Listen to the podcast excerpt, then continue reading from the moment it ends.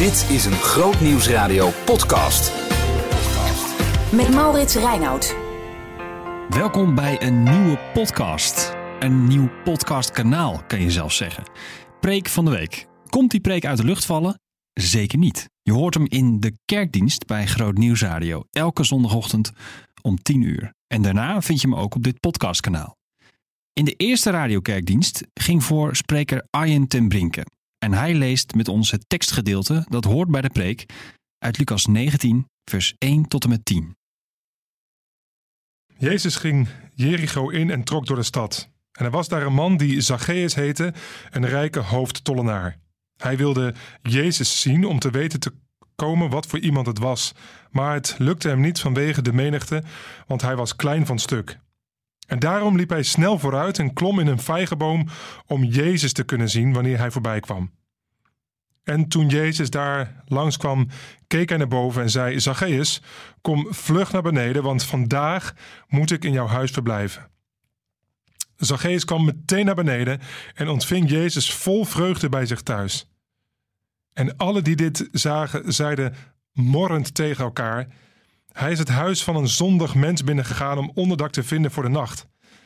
Maar Zacchaeus was gaan staan en zei tegen de Heer: Kijk, Heer, de helft van mijn bezittingen geef ik aan de armen. En als ik iemand iets heb afgeperst, vergoed ik het viervoudig.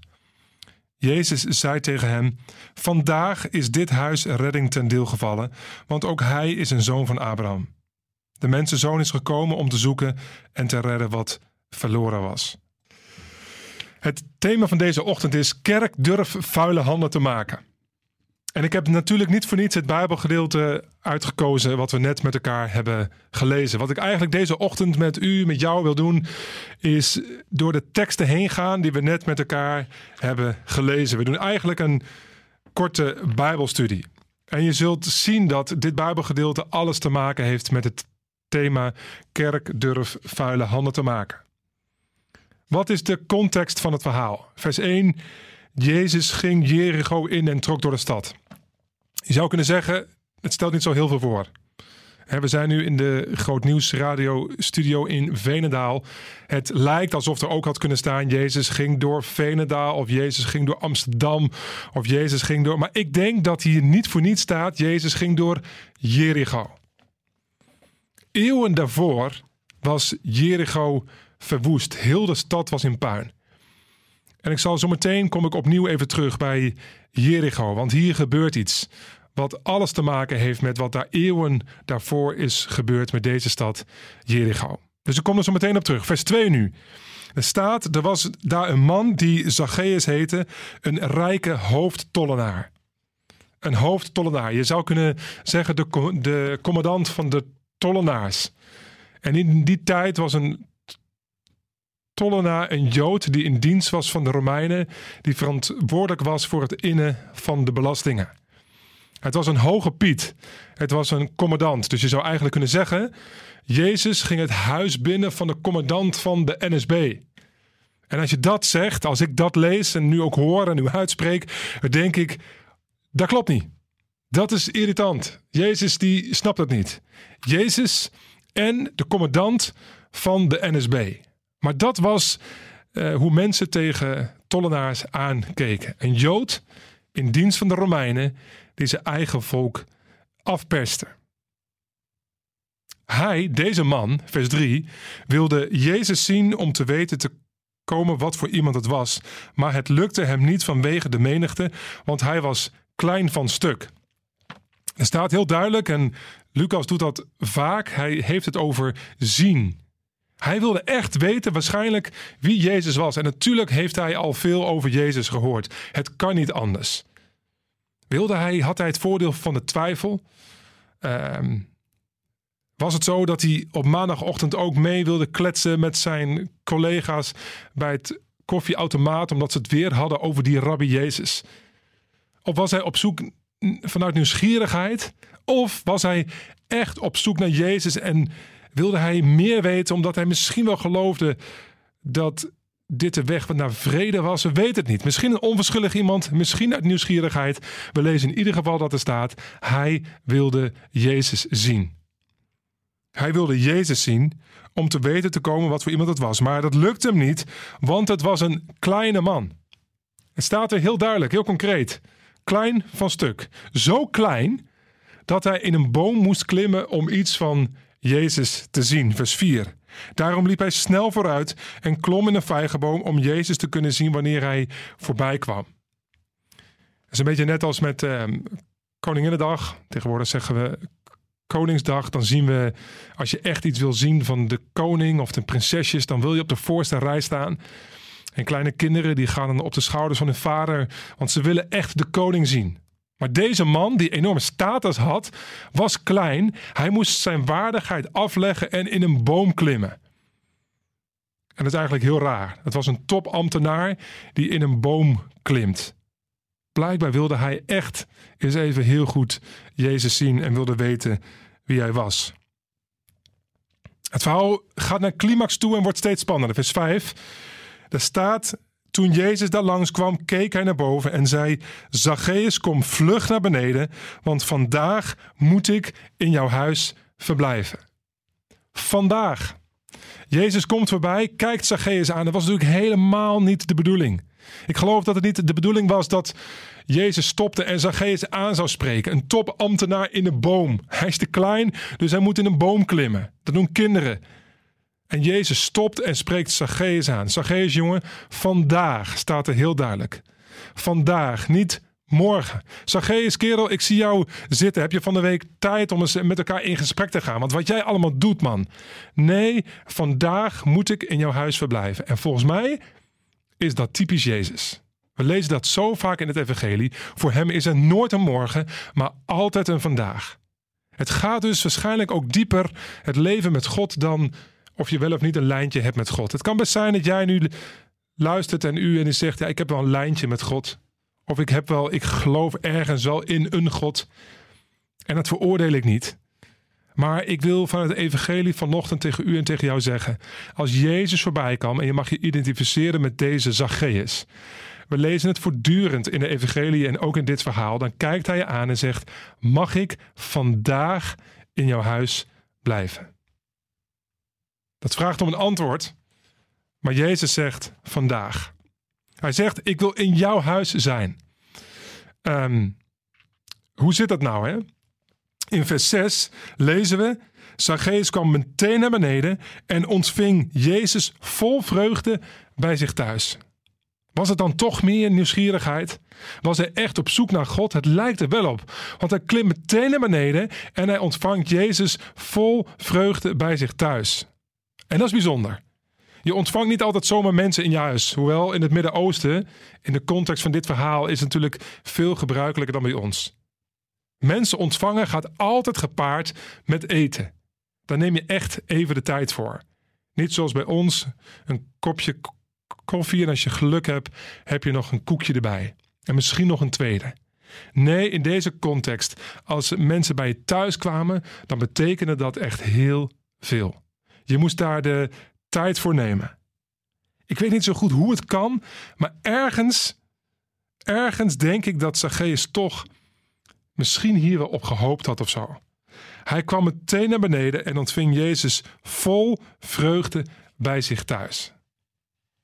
En dat is spannend, want we weten helemaal niet hoe zijn relatie erbij zat. We weten helemaal niet of, of hij een vrouw had, maar als hij een vrouw had of kinderen had, of ze daarop zaten te wachten. Dat kan best een worsteling zijn en misschien bij jou ook wel. Misschien ben jij wel zo iemand die nu luistert en zegt: Oh, ik zou best Jezus willen volgen. En als Jezus vandaag voorbij komt en hij mij aankijkt en zegt: Mag ik vandaag in je huis zijn? Dan zou je dat misschien best willen. Maar je gezinsleden of je familieleden die niet in Jezus geloven, die vinden dat lastig. Of misschien vinden ze het al wel ingewikkeld. Dat kan, hè? Dat je naar groot nieuwsradio luistert of dat je naar God en er is weinig ruimte in jouw gezin. Maar ook Jezus heeft niet alleen jou op het oog. Maar hij wil onderdeel zijn van je leven en ook van je partner en van je kinderen. Maar ontspan je. Geef Jezus de tijd. Vers 7 lezen we, het verhaal gaat verder. Jezus ging bij Zacchaeus in huis. Zacchaeus ontving Jezus met blijdschap. En er staat, allen die dit zagen, zeiden morrend tegen elkaar: Hij is het huis van een zondig mens binnengegaan om onderdak te vinden voor de nacht. En ik snap die mensen zo goed. Mensen die morden. Weet je, probeer even te verplaatsen in de mensen die daaromheen staan. Als Jezus in de Tweede Wereldoorlog had geleefd. Of als je nu zou horen dat Jezus bij een NSB naar binnen zou gaan. En hij zou met die NSB de maaltijd gebruiken. Zouden wij net als al die mensen niet alleen... Ja, we zouden niet alleen maar uh, die NSB'en willen stenigen, maar Jezus ook. Weet je wat Jezus moet doen? Jezus moet zeggen: Ben jij gek? Wat jij allemaal hebt geflikt, wat jij allemaal hebt uh, gedaan. Denk je dat ik met jou ga eten? Ik had zo gehoopt en gewild toen ik dit las dat Jezus dat zou zeggen. Maar Jezus zegt iets anders en zegt niet te snel: Oh, dat vinden we mooi. Ik vind het eigenlijk helemaal niet mooi. Het is genade en genade is bloedirritant. Morrend. Hij moet niet bij die NSB naar binnen gaan. Vind je het herkenbaar? En weet je wat ik zoveel merk in mijn eigen leven, maar ook ik hoor het om me heen. Namelijk dit, de stelling, wat tot op de dag van vandaag leeft, is dit. Jezus past niet bij zondige mensen. Oh nee? Ik geloof meer en meer zelf. En het gaat allereerst naar mij toe. Hoe langer ik met Jezus leef. Jezus, Jezus die, je zou bijna zeggen, hij omarmt de zonde. Wij zeggen vaak wel de zondaar, maar niet de zonde. Maar hij laat hiermee zien door zelfs met iemand te eten, dat hij er geen afstand van neemt, van neemt maar dat hij mensen volledig omarmt. Wie ze ook zijn, wat ze ook gedaan hebben en wat hun achtergrond ook is. We begonnen bij vers 1 met Jericho, weet je nog? Jericho. Jezus komt door Jericho. En van die hele, of God die Jezus komt door Jericho. En ooit was Jericho helemaal volledig in puin. Er was niks meer van over van die hele stad Jericho niet in, het oude, in, de, in de oude tijd. Maar wat liet God toen staan op dat moment? Toen heel Jericho in puin was, liet God één ding staan. En ik kan het niet uitleggen, maar we lezen het.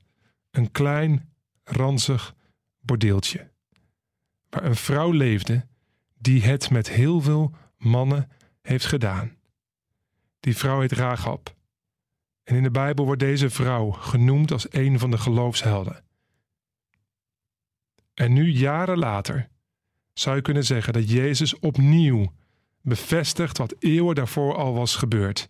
Opnieuw gaat hij door Jericho en doet hetzelfde als wat God de Vader eeuwen daarvoor al had gedaan. Hij verbindt zich met een zondig en slecht mens waarvan jij en ik zeggen, daar moet hij echt afstand van nemen. Hij is het huis van een zondig mens binnengegaan. Dat doe je toch niet?